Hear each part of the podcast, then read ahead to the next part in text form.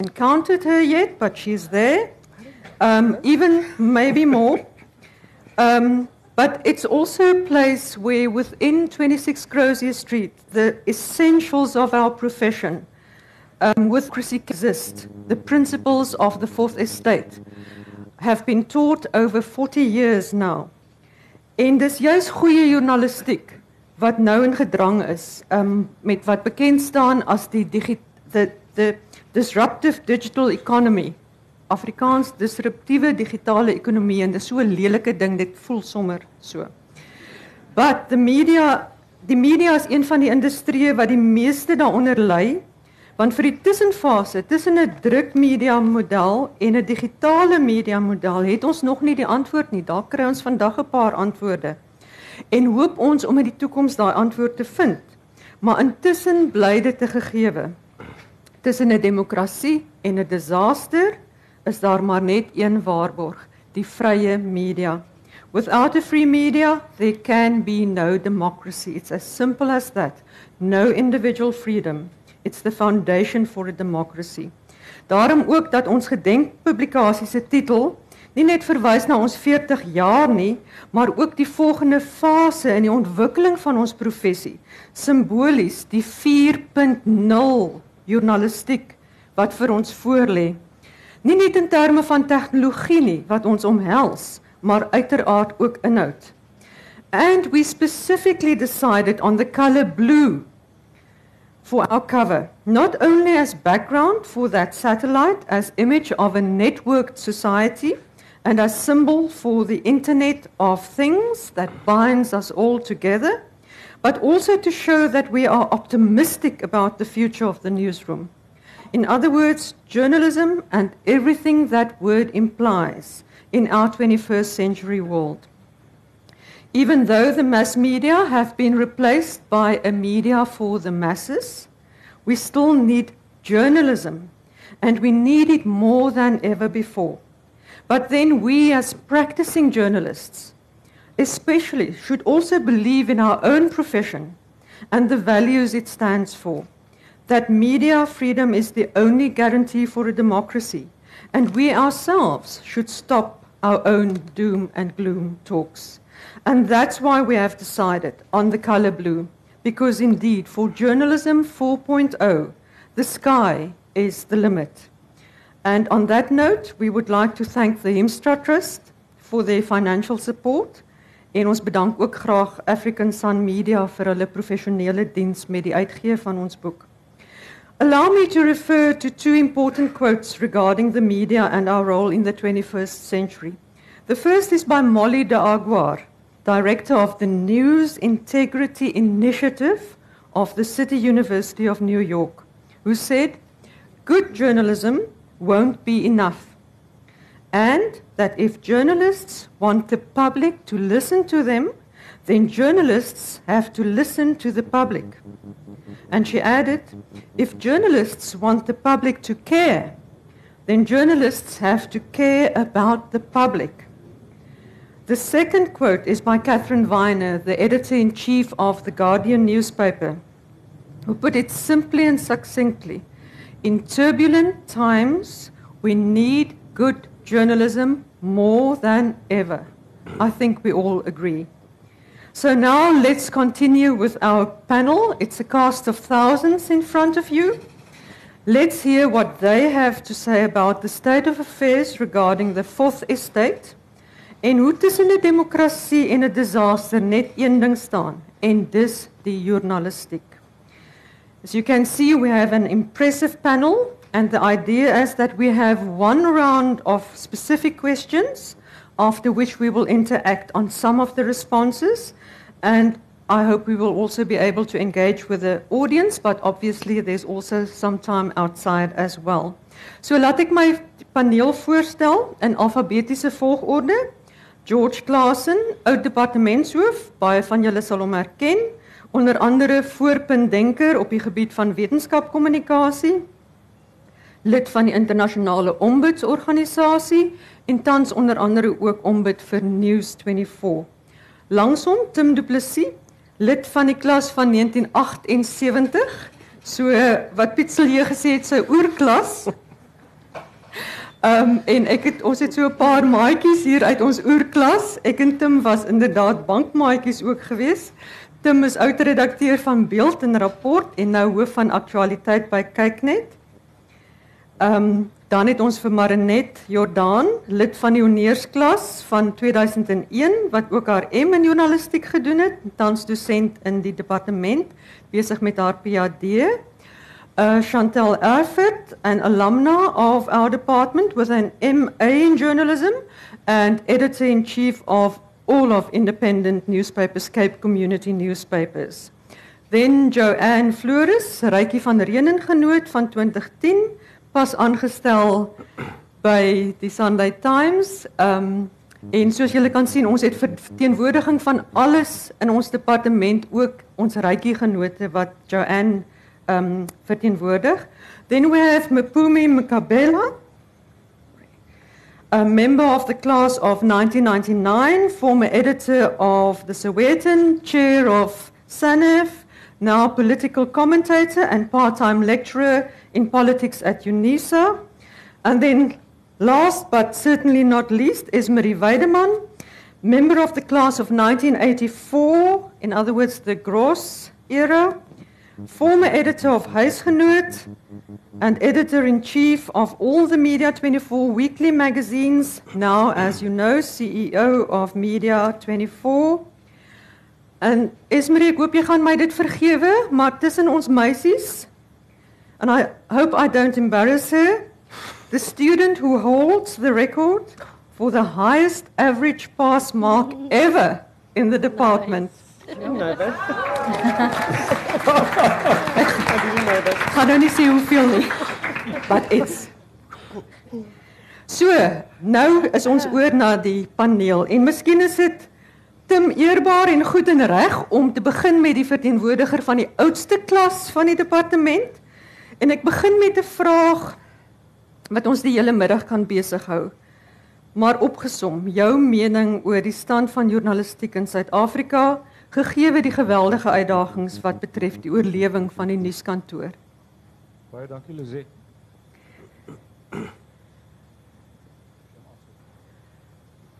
Kan julle my hoor nou? Daar's ja. hy. Baie dankie Lizet, baie dankie vir die uitnodiging terwyl ek hierso gekyk het na hierdie paneel hierso en oor die skare en almal. Toe dink ek aan 'n storie wat Piet Celee in die klas vertel, die professor was the the founding professor of the department told the story. He said there was this guy who walked out of a post office with a telephone directory in his hand and he looked very pleased with himself. And then someone said, Are you happy about this book? And the guy said, Well, I had a peek into the book. Not much of a plot, but what a cast. so, baie dankie hiervoor, Lizette. I want to start off by saying I think um, journalism in South Africa, the state of journalism, and it's a very generalized statement to make because, you know, I'm not talking about necessarily the business affairs of newspapers and other news media, but we're very solid. We proved our mettle through a very difficult period in South Africa's history. Ek het al dikwels gesê die wanneer hierdie die die geskiedenis geskryf word oor die epok wat ons vandag deurloop in Suid-Afrika sal daar drie instellings wees wat eervolle vermelding verdien. Three institutions will receive honorable mention when they write the history of this period in our country. The first of all, the courts, I think they were fucking magnificent. Some of the judges are really like rock stars of the democracy. And then the media, the free media, which all did a splendid job in making the public aware of what was going on and, you know, really started, kick-started the process to keep, to, to make politicians accountable. And then third of all, civil society. So ek dink die, die, die stand van journalistiek en die soort journalistiek wat ons in Suid-Afrika bedryf op die oomblik is in 'n baie goeie fase. Die geleentheid het hom we rose to the occasion. Ons hier was vir ons 'n geleentheid gewees om iets greats te doen en ons het dit gedoen. Ons is redelik bestand en redelik geïmmuniseer teen fake news want ons mense in Suid-Afrika dink ek en dis my algemene gevoel soek geverifieerde betroubare inligting met waarde. En dis wat data is. Ek het nou net hierdie Rubini boek gelees oor weet nie hoe dit uitspreek nie George. Homo sap Homo Deus. Homo Deus. Ja ou wat soort van 'n brief history of tomorrow en hy sê die to, die die toekoms van die wêreld is data. Data gaan 'n ongelooflike belangrike ding doen. Wat is my eenvoudige verstaan van data? Betroubare geverifieerde inligting met waarde. En dis wat ons in die afgelope tyd gedoen het. So ek dink dit gaan baie goed met ons. Alhoewel die sakemodelle van ontsettend baie besigheidsinstellings is besig om dood te gaan. Julle het al almal die ding gelees wat sê media companies may not survive but journalism will. Ons sal kyk of dit werklik waar so gaan uitspeel. Maar ek voel op die, in hierdie stadium waar ons is in ons land op die oomblik is kan ons trots wees op wat ons reg gekry het op die stand van journalistiek in ons land. Die belangrikste uitdaging vir ons nou is ons het regimeverandering gehad aan die politieke front. Almal voel 'n bietjie beter. Ons het 'n blaaskans gehad in terme van wat Jan Smuts gesê het in Suid-Afrika gebeur die ergste nooit nie. In Desember het die ergste nie gebeur nie. Die belangrikste ding vir ons nou is om waaksaam te bly uh en seker te maak ons doen ons werk ordentlik en reg en om jou aanhaling van die professor te gebeur, die Ierse professor wat gesê het ons moet seker maak ons vryheid en ons waardes setel in mense se wil en begeerte om ons produkte te verbruik. So dankie. Mm, baie dankie Tim, baie insiggewend. Maar net, ek wil nou na jou toe gaan as lid van die volgende generasie van journalistiek en media opleiers um en en akademici. Wat dink jy, hoe kan ons in die onderrig en opleiding van joernaliste antwoord op die uitdagings? Ek dink eintlik kan daai antwoord maklik wees deur by Tim aan te sluit wat gesê het mense soek betroubare, geverifieerde inligting met waarde. En ek dink as jy 'n nuwe generasie joernaliste oplei wat weet hoe om daai inligting te kry en dit aan te bied vir 'n gehoor op 'n manier wat dit vir daai gehoor sin maak, dan is jy op die regte pad. Want ek dink die die ou debat van moet ons teorie of praktyk of waar moet jy daai balans vind, dit is iets van die verlede. Dit is regtig nie meer die moeite werd om daaroor te praat nie. Ek dink wat belangrik is is om bewus te wees daarvan dat journalistiekprogramme moenie se uitsluitlike doel moenie wees om tegnologie vir die studente te leer nie.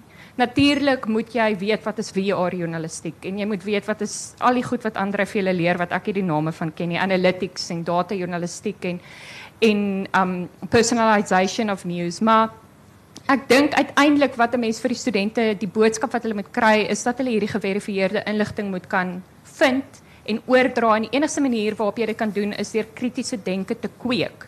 Natuurlik help dit as die studente nuuskierig by jou aankom wat nie altyd gebeur nie. Maar um to to just uh, quote as an academic which I am as well.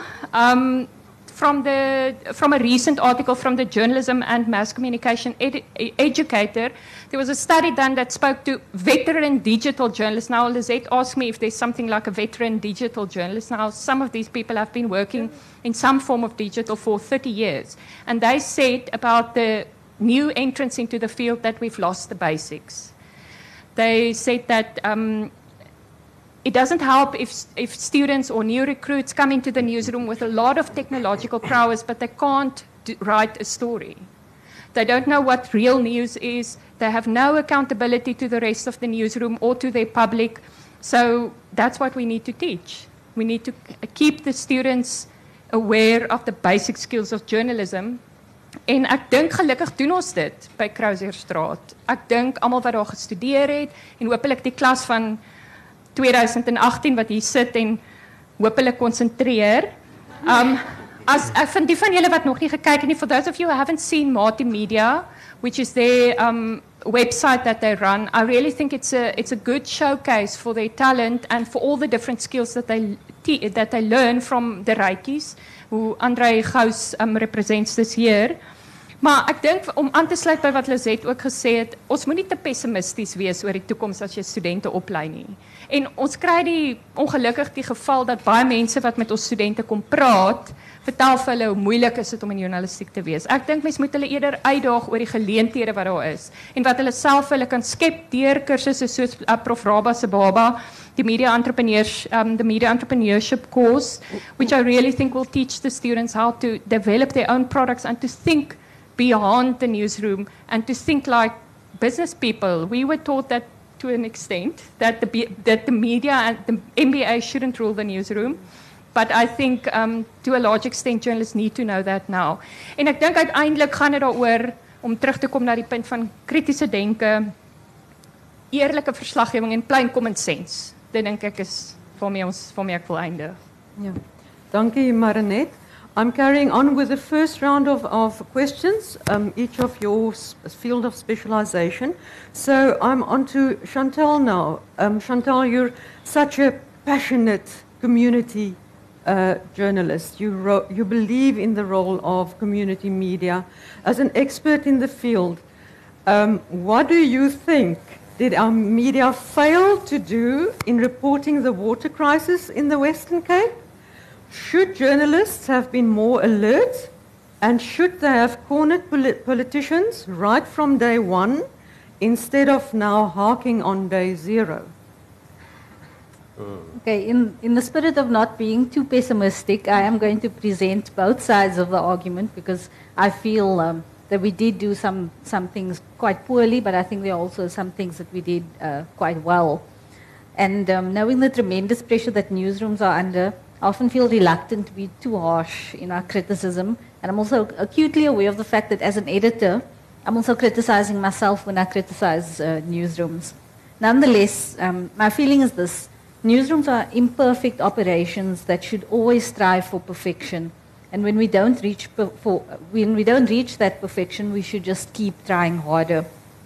So it's in the spirit of this sentiment that I'm going to reflect on how we um, covered the water crisis. First and foremost, I think our greatest failure in this regard was that, particularly when we started um, writing about the water crisis or the water management crisis, we allowed the city to control the, the narrative. So it was the politicians who were telling us what to report on. Most media were caught napping, and when not covering the issue was no longer an option, we simply allowed the city of Cape Town to dictate what we should tell our, our readers. Everything we wrote about largely depended on what the city sent to us in media releases. And um, we were, I think we were just as panicked as we made readers. On the flip side, however, I think as we settled into the idea that the water shortage and the water restrictions were becoming our new normal, to coin a, a city phrase, um, many media did start shifting their the um, reporting focus to the experiences of people on the ground. And I believe this was a very important shift because it encouraged us as the media to explore the questions that everyday people had and were asking. Um, and it also forced us to be more proactive in creating useful content rather than simply delivering doom and gloom to our readers.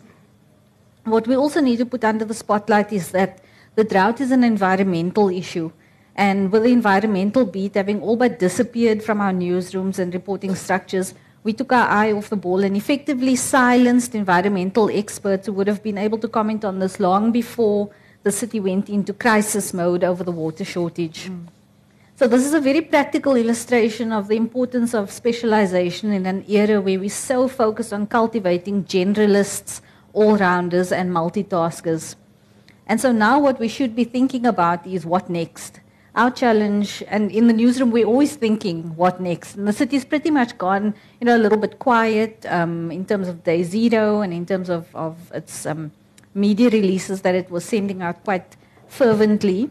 Um, so our challenge is to keep the water discussions alive and to be, to be very practical and level-headed about it, even as the city sort of tones down its um, its excitement about it, if, I, if that's the word. Um, we must also remain cognizant that a whole new economy has emerged around the water shortage, and we must not allow ourselves to be taken advantage of by these manufacturers of the next best water saving gadget, because they are out there and they're seeking the attention of journalists who are looking for new angles to report on the water crisis, and sometimes not perhaps savvy enough to recognize when they're just being used to deliver nothing more than an advertising message to readers.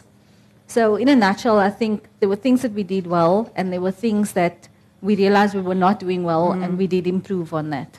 Right, thank you. And I think what you mentioned in terms of the envir- environmental issue is also something that we need to attend to from the media side. But we can, can carry on with that um, topic now. Now, um, ek is nou op Joanne. Um, Tim het ook verwys na mediavryheid. Ek het verwys na mediavryheid, uitdrukking van spraak. My vraag aan jou is: is die kommentaar op nuuswebwerwe regte geleenthede vir mense om hulle reg tot vryheid van uitdrukking te gebruik? of is dit ekkokamers vir onverdraagsaamheid waarin rasisme, selfs haatspraak onbehoorlik lig kry? Jy was self die slagoffer van sulke kommentare verlede jaar en nou pas weer met jou Afrikaans stuk wat jy geskryf het. Laat ons bietjie hoor wat wat dink jy? Ja, ek ek dink ehm um, van die begin af wil ek mense sê ek wens mense wil by die opskrif lees. En as hulle die inhoud lees, hulle sien weet en 'n ingeligte menings maak. Maar die een deel les wat ons geleer het deur daai kommentare, dis 'n pynlike proses elke dag. Um, maar om dit af te maak as net 'n mense wat klakkeloos praat, ek kan bietjie onverantwoordelik wees. Die punt is het voel iemand hulle het iets om te sê. En miskien is dit om dan nie ander uh maniere is om hulle stem te hoor nie. Ek weet nie eintlik nie. Ehm um, maar ons ons ek my probleem of my ondervinding is dat mense te maklik met die stroom gaan, ongelukkig. So daar is 'n diepte van begrip vir wat jy lees of 'n behoefte om self te ondersoek wat jy lees. Wat dink ek daaroor? Mense word verskriklik vinnig meegevoer. Ehm um, so ek gaan net gou vinnig teruggaan na my onlangse rubriek oor oor taal en opskrif het gesê dis hoekom ek nie Afrikaans beklei nie. Afrikaans is my taal, is my geboortetaal, is my alles. So wat ek gesê het was ek gaan nie vir Afrikaans beklei nie, want ek hoef nooit te beklei vir Afrikaans. Dit was altyd deel van my DNA, van my alles. So ek het in 'n totale huis groot geword want niemand gesê het nou praat ons Afrikaans of Afrikaans kry 20% en Engels kry 50% of wat ook al. Dit was 'n baie natuurlike twee goed wat saamgeleef het in een ruimte. Um, en ik was toen ik december bereid met vakantie was, het dit my weer opgev opgeval hoe verskriklik lewendig Afrikaans is daar op my tuisdorp in Wellington. Jy hoor heeltyd nuwe uitdrukkings, jy hoor heeltyd nuwe gesegdes. Jy hoor hoe mense name en goed opmaak om om om iets te beskryf. En dis nou wat my laat dink om 'n rubriek te skryf want ek wil vir mense sê staan bietjie terug. Ek weet daar's hoër funksies vir Afrikaans. Ek weet daar's alle klomp goed. Maar doen ons hierdie tale verskriklike guns onguns aan om so hard te beklei dat ons mense wat andersins die taal sou omarm en baie lief is vir die taal om hulle half harrigat te maak en te laat terugstaan nie. Ehm um, so die kommentare toevallig op daai ding was op oor die opskrif en niemand het gegaan na die inhoud van die storie nie. Ehm um, so met my hoed wil ek sê net om die kommentare nie gunstig is of lekker is hè wil ek nie wil ek hier daai reg moet van mense weghou word hè want weet op 'n volgende ding stem ons dalk oor iets saam.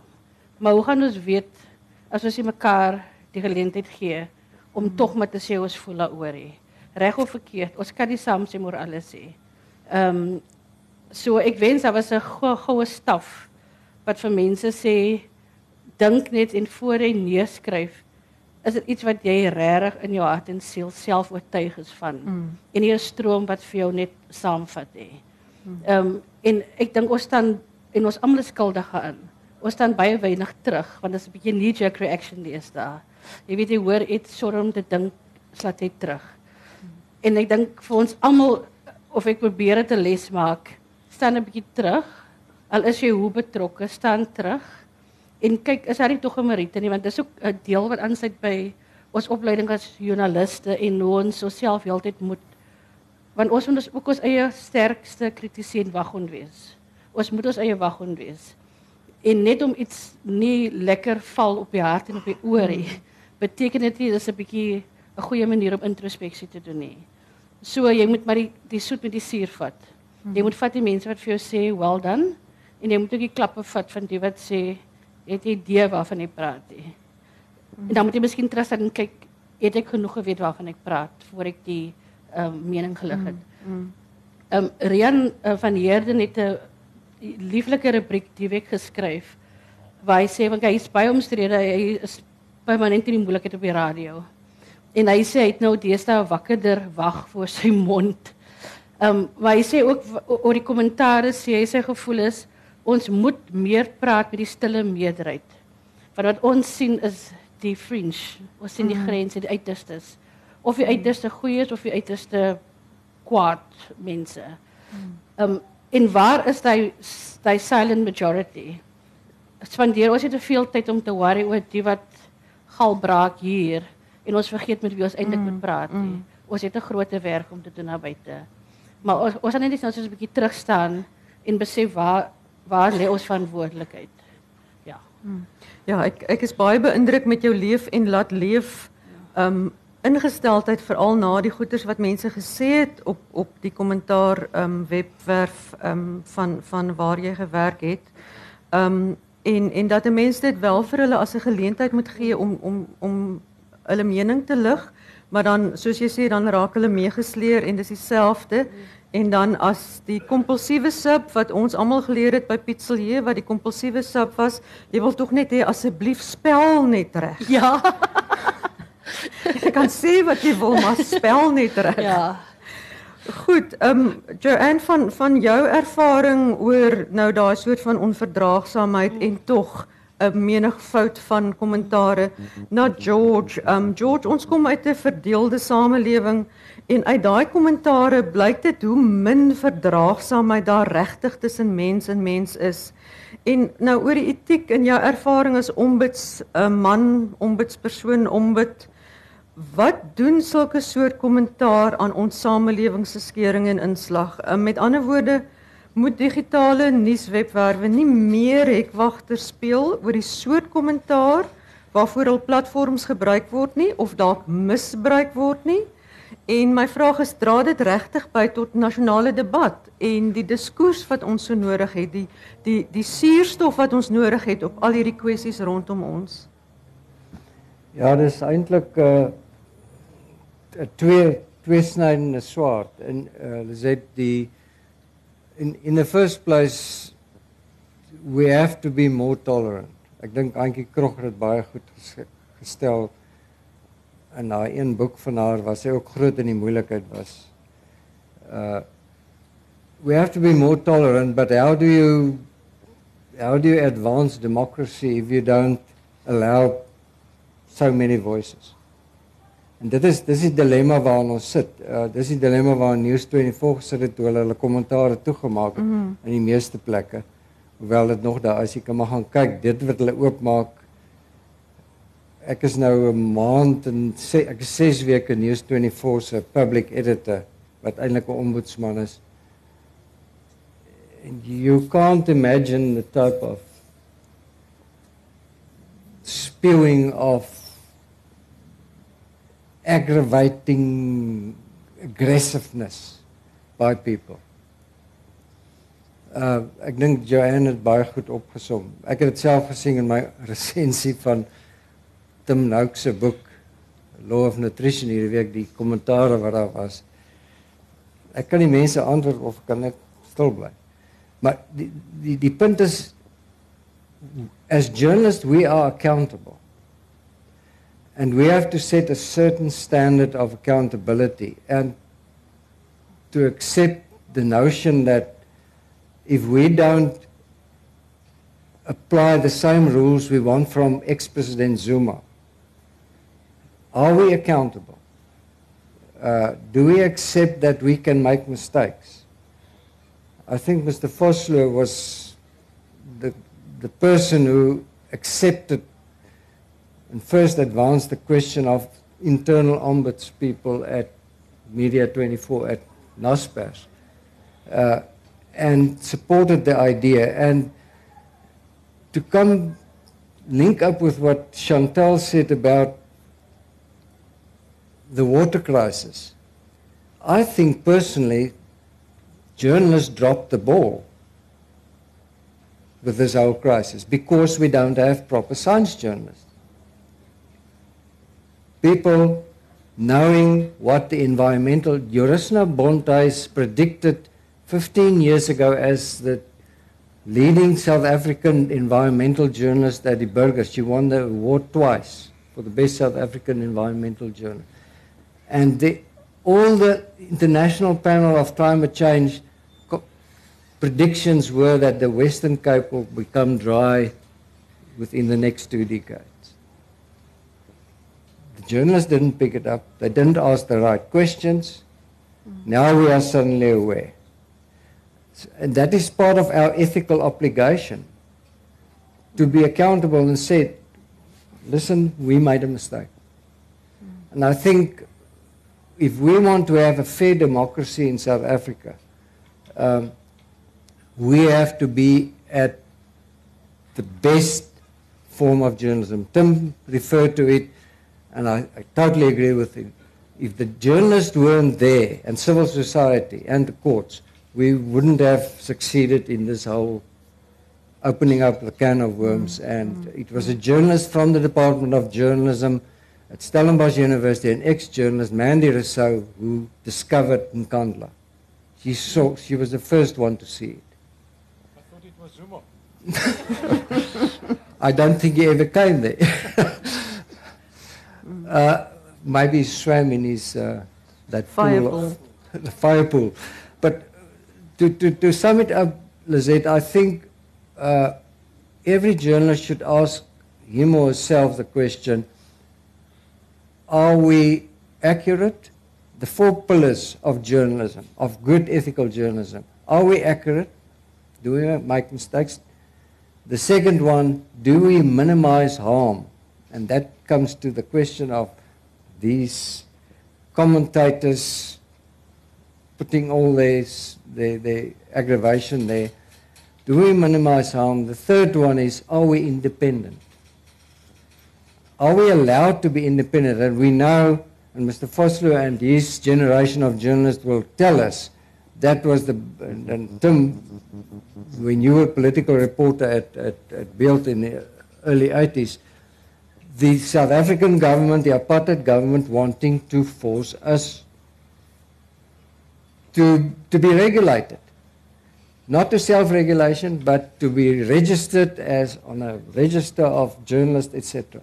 And then the fourth one, are we accountable? And that's why media ethics becomes so important.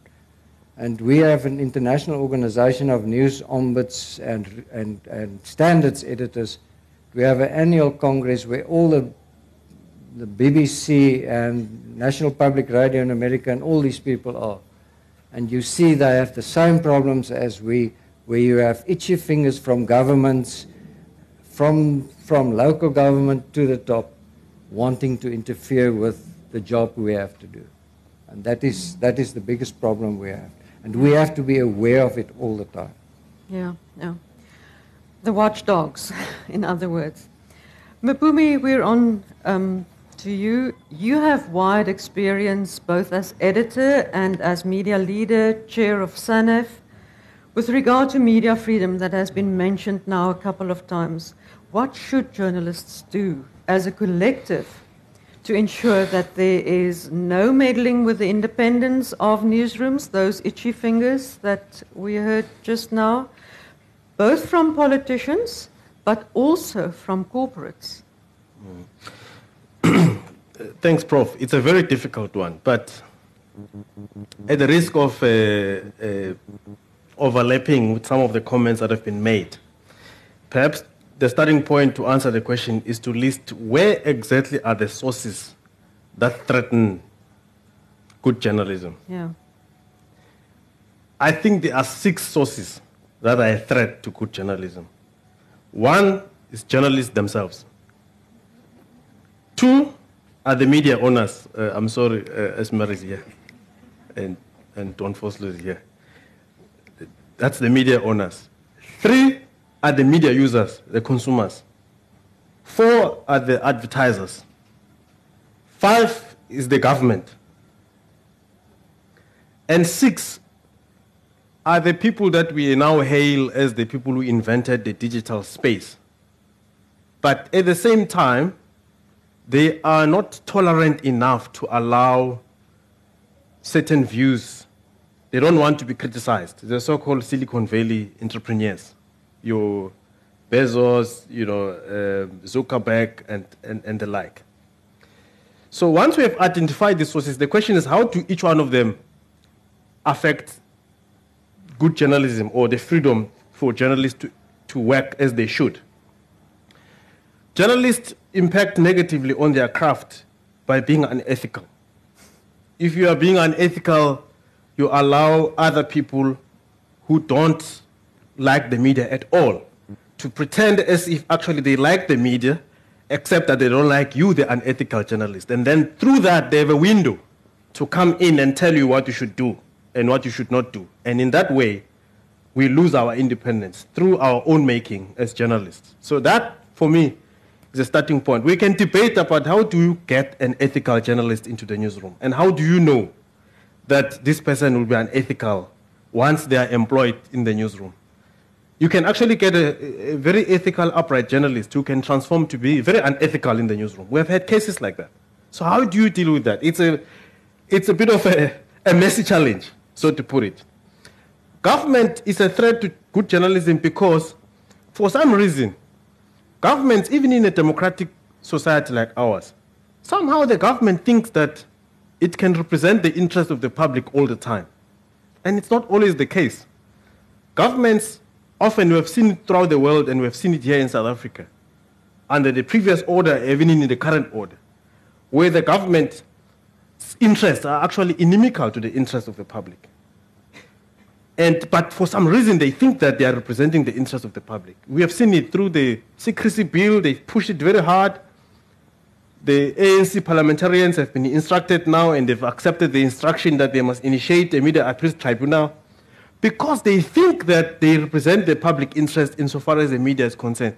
And that's not always the case. If I may make an example with the SABC, and then perhaps we can start uh, uh, uh, mentioning a few solutions to the problem.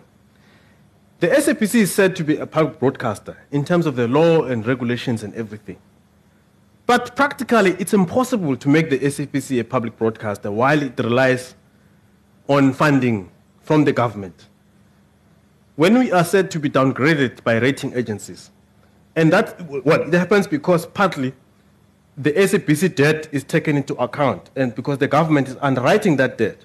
And if the government underwrites the debt, the government thinks that in its own wisdom, it can actually use the SABC whichever way it likes because it can discipline the people who run the SABC by refusing to issue guarantees, by, issue, by refusing to give the SABC money. But someone might say, well, let the SABC be driven by profit so it doesn't have to rely on government for funding. But there comes another problem which the rest of the media has, which the threats come from advertisers. Advertisers who don't appreciate the role of the media interfere they try very hard to think that they, they think they can run the newsroom. They think they know best what journalists or how journalists should report news. So they've come up with all kinds of schemes, from native advertising to uh, buying journalists dinners and lunches and all kinds of things, to basically buy them and actually reorientate them so that they are not longer loyal to the craft, they are loyal to the advertisers. Editors are under pressure. So if some big company calls the editor and say, well, I'm looking for journalists who can go to this trip, and uh, you know that uh, as recently as now, this particular company has bought the whole web space or the whole front page, and it, they've given the paper so much money. It's difficult for the editor to say no. Because you are thinking, I need revenue. I need to account to the media owners.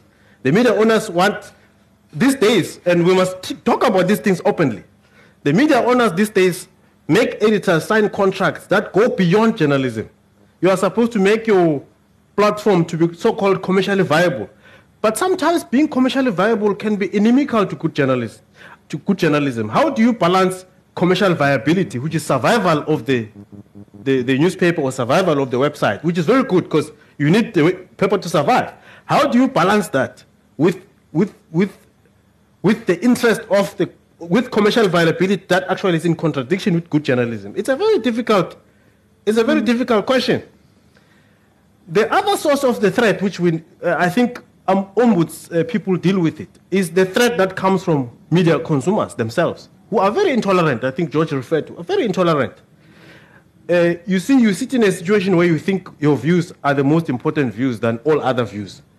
And as a result, uh, unwittingly, you actually suppress other people's views under the name of your right for, to freedom to speak out. And then, in that same vein, other people must not speak out. So that's a threat. We need to continuously educate uh, readers. And, and uh, they can be a threat not to journalism as a craft, they can be threat to journalists, actually, as, in, as human beings. We see that every day when a journalist writes something, the next thing is confronted by uh, some criminal who say, but why did you write that story? Uh, you know, you're not a good journalist, simply because the story implicates that person in some criminality.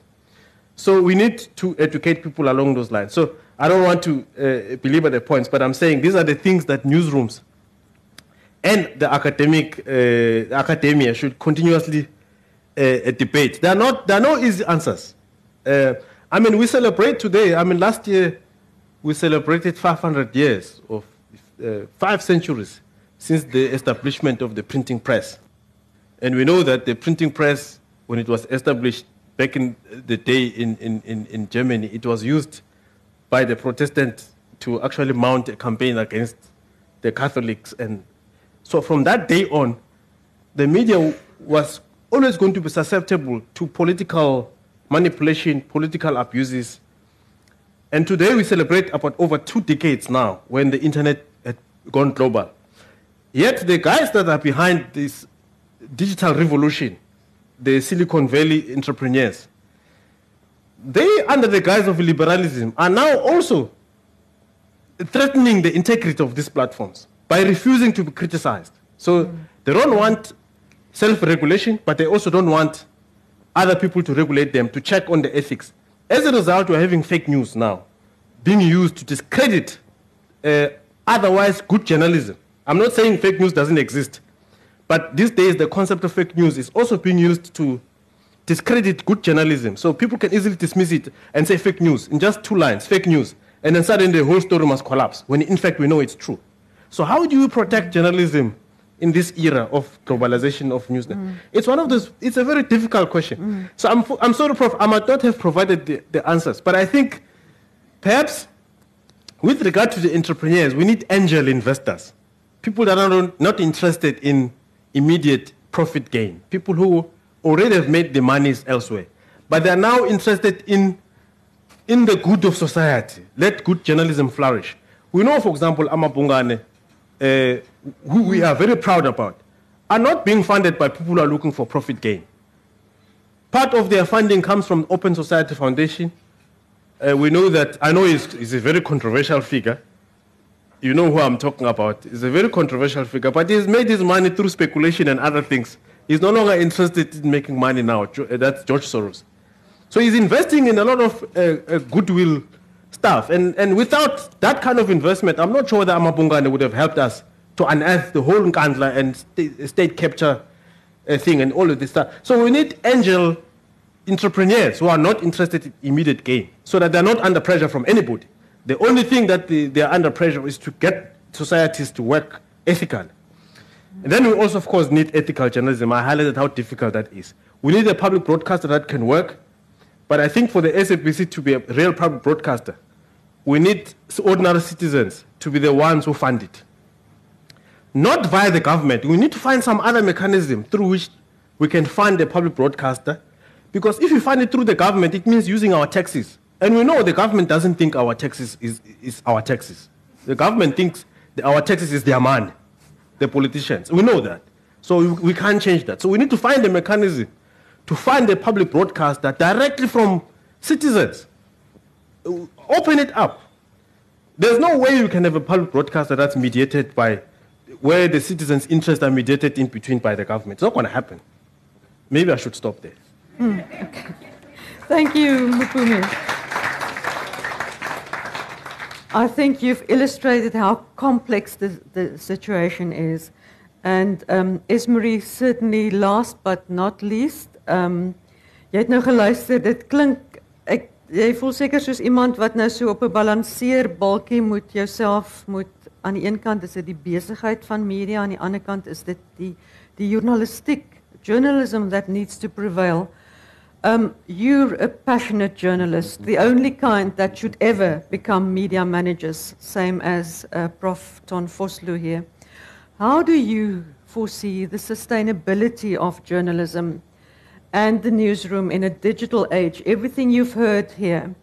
Um, and do you think that digital journalism can also be a journalism of record um, and not follow the trend of superficiality of social media?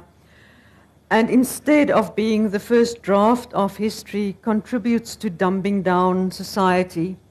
The CEO of Naspers said he gives newspapers five more years, and he already said that some time ago um, now.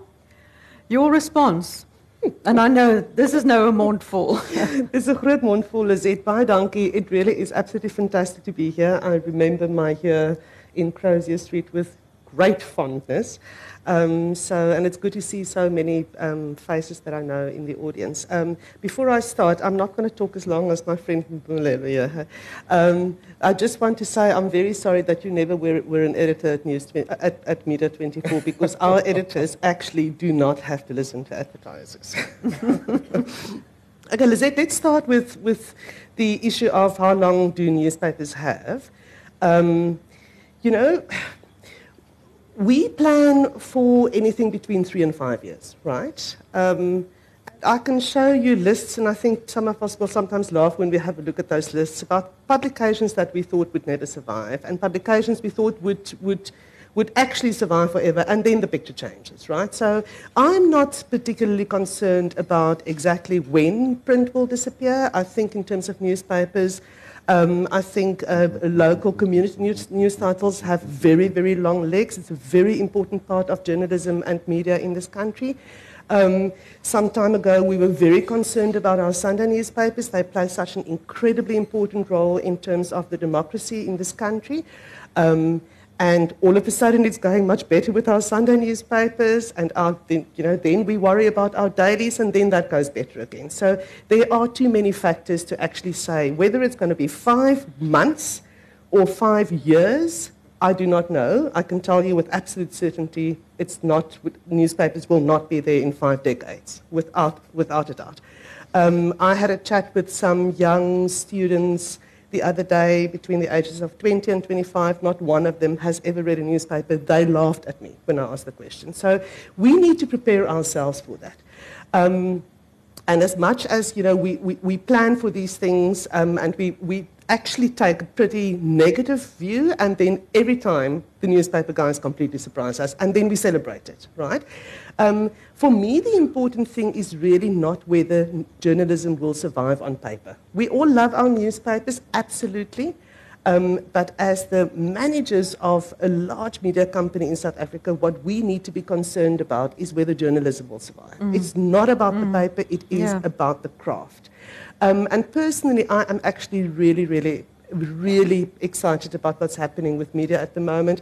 Um, I'm absolutely loving the fact that, so for the longest time, we, we said, you know, serious journalism. So we know the cat memes and all of that, you know, sort of. Um, how is serious journalism going to survive the internet? That, to me personally, was a huge, huge um, worry a few years ago. Look what is happening now. I mean, most of the Gupta leaks happened on digital platforms. And I think that is a huge um, positive sign in media. Um, and I think there's more to come. One can talk, and I'm sure we can talk later on about the business model around that, because you know, sort of that is a real challenge. Tim spoke about that right at the outstart. Um, but personally, I am very excited about the future of journalism, um, and I am very excited about some of the, the, the digital models that we see um, coming up around mm-hmm. the world. Mm-hmm. Um, I think um, news journalism is sexier than ever and certainly more important than ever. Thank you, um. That, that's such an upbeat message to all of us, so thank you for that. And I agree with you. Um, you know, digital sounds like such an an easy solution. It is, it is so wonderful just to press the button and you have all the news there um, instead of having, you know, it um, first going to the to the printers and then onto trucks and then to Koekenaap.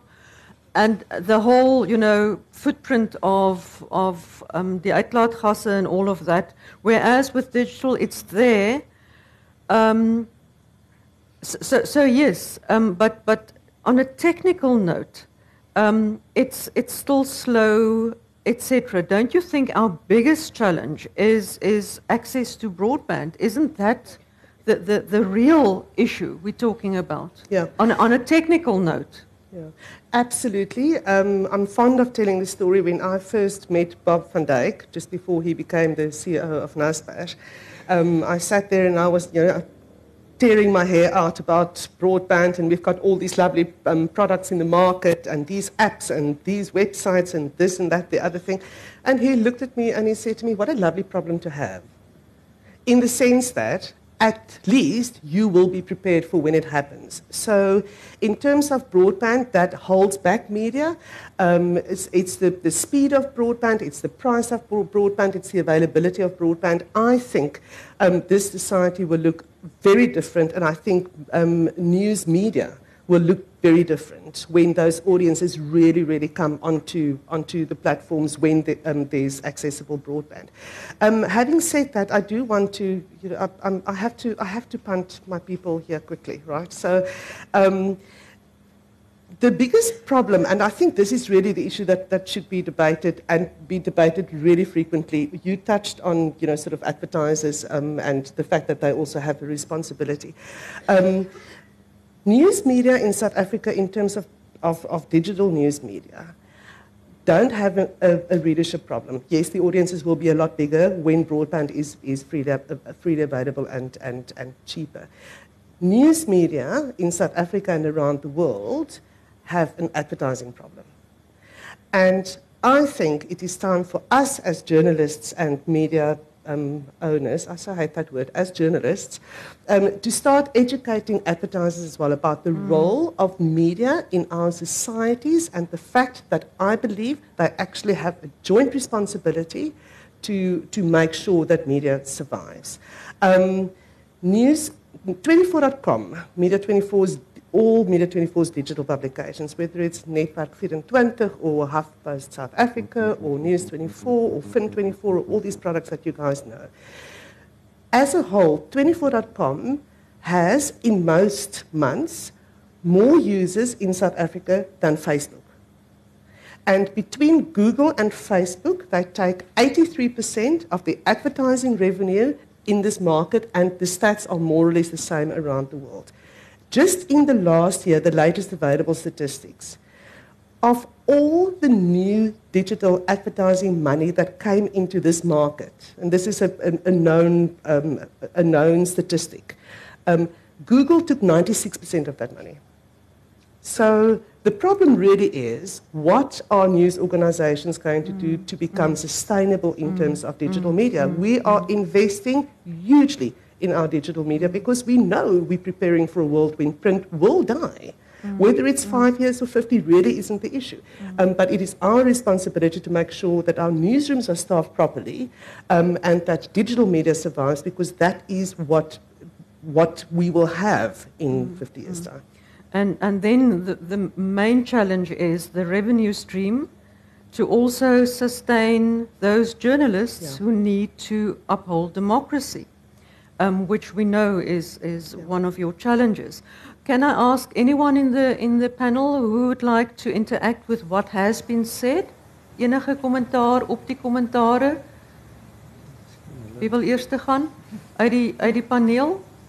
I actually want to ask a question since I have all these um, all these illuminated what do you call them? Very luminaries. Thank you. Illuminati. Luminaries. Illuminati. We, we are illuminated with these lights here. We have the students of this year, the class of 2018 is sitting here. What do you think we should teach them this year?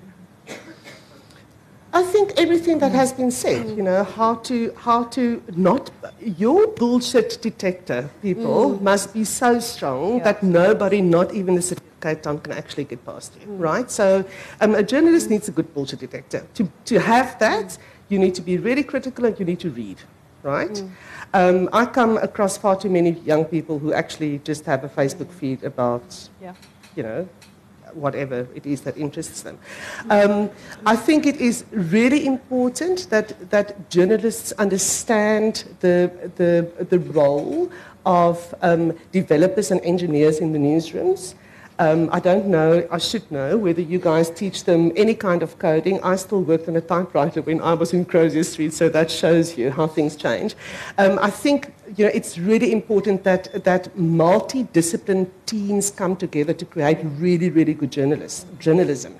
Um, and we had a beautiful example recently with the anniversary of, the, uh, of Chris Barnard's heart transplant, where, and we still quite slow with this as well, but for the, one of the, the first times, we actually had a team of engineers, editors, um, and there were some people who were looking at this from an advertising perspective. They managed to get the whole thing sold. It was a project with editorial integrity, but it got sold.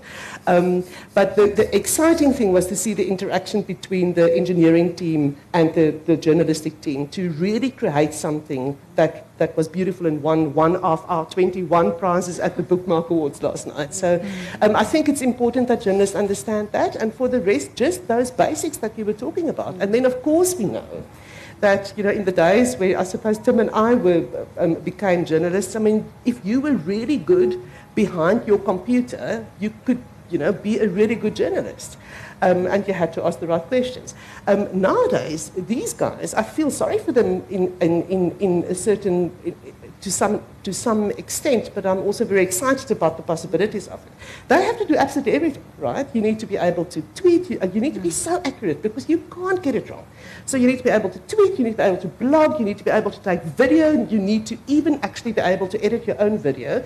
And then you've got to be able to find angles for stories that will survive tomorrow in a print product that is long covered on a digital platform. So it is hugely challenging.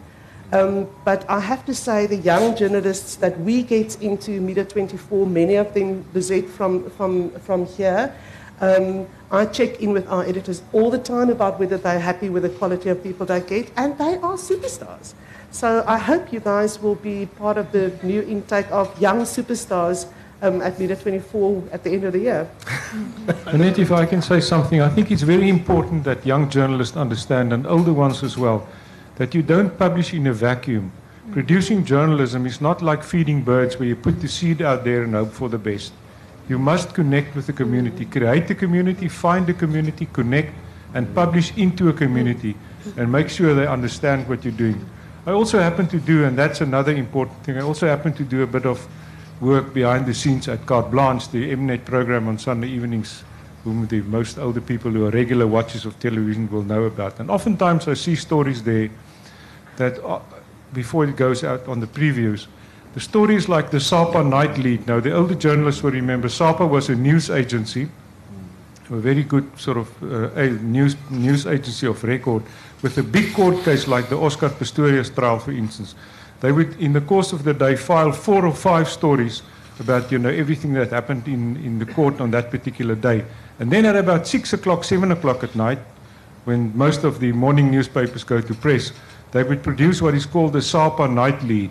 And there was this wonderful story, usually about six or seven hundred words, and it summed up everything that happened that day in court. These were the important events. This was what the judge said. This is what the accused looked like when the judge said this. All summed up in one little story, the night lead. At Carte Blanche, oftentimes, when there's a big story in the week, they would, on a Sunday evening, produce a story similar to a SAPA night lead. And we must think about that. Allister Sparks, the former editor of the Rand Daily Mail, once said the problem with the daily newspapers, that was about 10, 15 years ago. He said the problem with the daily newspapers is they do snapshot reporting. They do a little bit, they take a snapshot of this and a snapshot of that, and then they think that's journalism. And what, whereas what readers and viewers and listeners actually want is a, an, an integrated picture. They want to understand what is going on. So that's a skill, if I can offer some advice to young journalists. Develop a skill to understand, understand the story. And that thing about snapshot, snapshot journalism has, in the era of social media has become actually worse. Because Twitter is nothing but micro snapshot reporting. You still don't get a full, a full picture. What is it, 280 characters these days? How can you tell a big, complicated story in 280 characters? There's a need for. Sorry? You do what? Mr. Trump, well, yeah, look where that's getting him. You know, 32% approval rating. Um, it's very important, you know, people want in the complicated lives that people live in the era of fake news, Twitter, the proliferation of me, people really want to understand what's going on because what's the essential job of a journalist? It's to provide a point of orientation for people as they navigate their lives through a very com- complicated environment and help them to understand, and you will find a niche. Thanks. Thank you. Any other comments from the panel? Mpumi? I'll, I'll be very quick this time around. No problem. I, I think that one of the things that we need to teach uh, journalism students now is the history of our country. I think a lot of people might be asking themselves, why, why, why should we bother about all of these things? You, you guys are talking about you know, democracy, media, and all of that. What's the fuss all about? We should not assume that everybody knows about it, that our students know about it. Teaching just a brief history of our country, where we come from, unashamedly, unbiased, just teach it as it is. And say, why did we come to where we are now? And why it's important for you as a journalist to play your role to sustain or even grow our democracy, to be vibrant, to be diversity, to have diversity, to have all kinds of things, to sustain it. Otherwise, you can actually have people who can easily, you know, negate our democracy from the newsrooms, not because they want to, just because they don't know. Mm. Good point. What Mpumi is saying there is very true because who of the journalists, young journalists sitting here today, will know who Zwelakhe Sisulu is, who was locked up for two years without trial. Um, Max du Preez pursued by the security police. Many journalists. Newspapers closed down. Many journalists were threatened with their lives. I think Foeta sits here in front from the SABC, one of the SABC eight heroes. Hmm. Uh, Somebody died. Suna Venter died because of what happened last year. And we should never forget that. The historical perspective we should have as journalists of our society and where do we come from. We can't live in a vacuum and ign- being ignorant. Yeah. Sorry, I'm. Yeah. No, on my old hobby That's very important. Yeah. Cultural literacy, it's called, and you have been introduced to that, but we need a layered understanding of our past, where we come from and where we are heading. Um, and it's, it's, um, I, I, actually wanted to ask Foeta, as one of the SABC 8 sitting here, just maybe also a comment from you, and then we'll open the floor for questions from the audience. Um, can we, Foeta, gaan jy jou stem laat dra? Laat dra.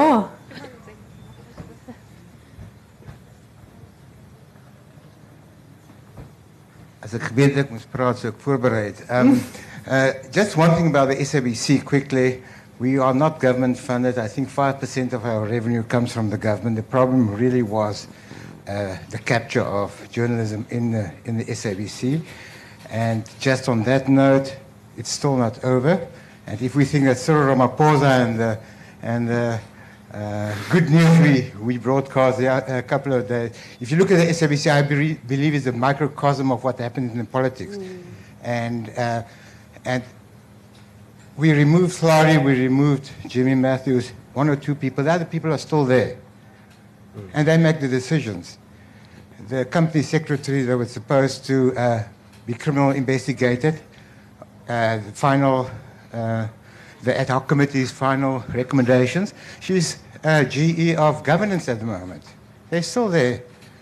The decisions are still being made by the same people. And that's what's going to happen in, in, in the politics also if we as journalists do not follow up and if we do not uh, keep vigilant on what, what, what's happening. Um, just on one thing about um, the uh, SABC as a public broadcaster, we as a SABC 8 with some, some people, we're looking at the possibility of, of uh, appointing a board uh, based on the German model, which, uh, which is a, a, democratic process where each and every um, uh, interest group in the country can appoint somebody and fund them. They do not get paid, but they represent the people. So the gay community or the, uh, the churches, or they can appoint someone on the board in order to make it a true representative uh, uh, public broadcaster. The thing about funding, there's a lot of uh, countries that use uh, a levy, a tax levy that they, uh, that's deducted from everyone that we get with the accident fund and so on. So where each and everyone fund, uh, uh, fund the public broadcast, and I think only then we will be able to, to be really a public broadcaster. But as, as I think the biggest problem is the politics and we, we are seeing. I, I've been through Snuki Zikalala, I've been through Zwelakhe Sisulu, I've been through the whole thing. And every time there's a, there's a shift in politics, there's a shift in the internal workings of the SABC, and it's busy at the moment and it's still going on.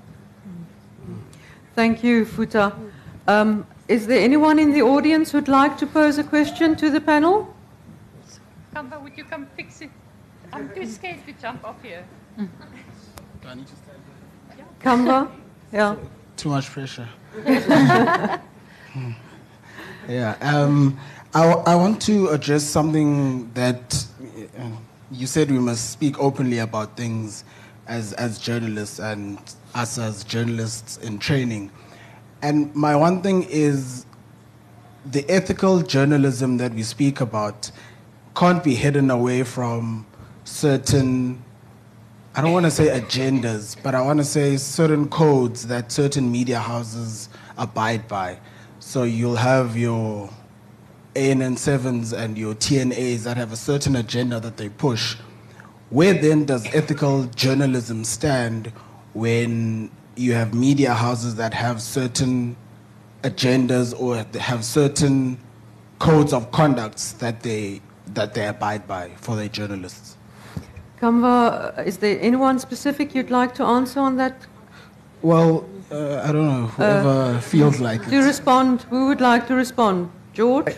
I, I can answer that. Uh, media houses don't adhere to a specific code that is their own code. The codes are for broadcasting, the Broadcasting Complaints Commission's Code of Conduct. If you've got a complaint against SABC or, or Prime Media or whatever, you go to the Broadcasting Complaints Commission. They've got a very good ethical code of conduct based on the BBC's model. In the print media and the internet, the South African Press Council. You go to them. We at News 24 follow the model of the South African Press Council's code of conduct. That is the code that is our sort of Bible or Quran or whatever holy book you want to call it. Uh, that guides us how we should respond to complaints. And it, it helps a lot. Ethics is a grey area. That is the big problem.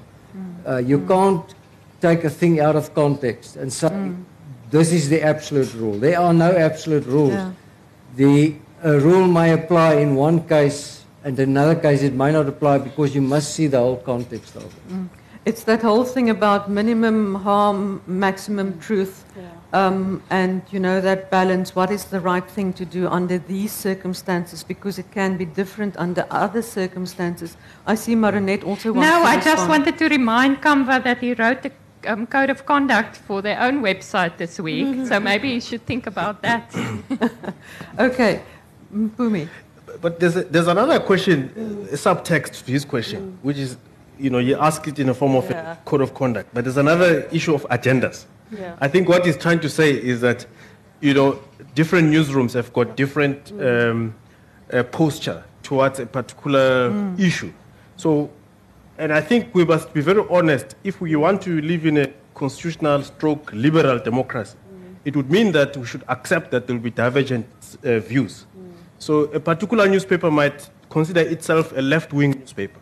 Another one might consider itself a right-wing newspaper or mid-center, whatever. Mm. Mm. But I think that notwithstanding the different ideological dispositions of these different publications, uh, there must be some kind of a minimum agreement. And I think that's where you come in about minimum head, maximum truth. You know, we should not disagree. Well, we can't disagree. I must be very careful. Uh, George is here. He's a science. Uh, I nearly said we shouldn't disagree about what's the truth, but I think sometimes we should disagree about what's the truth. What we should not uh, disagree about is that we are all pursuing the truth, whatever the truth is. Yeah. There's a wonderful quote from Walter Lippmann. He was an American uh, thought leader, philosopher, a public intellectual, if I can use that word. He said, he wrote this in 1943. He said, The theory of the free press is not that the truth will be presented completely or perfectly in any one instance, but that the truth will emerge from free discussion.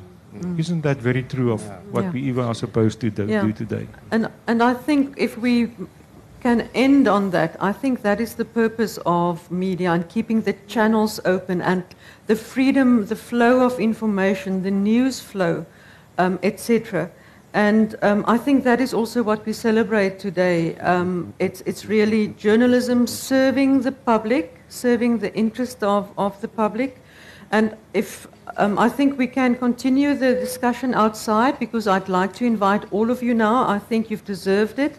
A nice, cool Chardonnay or whatever they have outside. We're going to move right next door to the Platan Café where we're going to toast the department, journalism, everything we can think of. So please, um, an open invitation, join us next door for a, for a toast on the department. It's not going to be long, and then we, we continue the discussion. Thank you very much for attending. I'll see you next door. Thank you.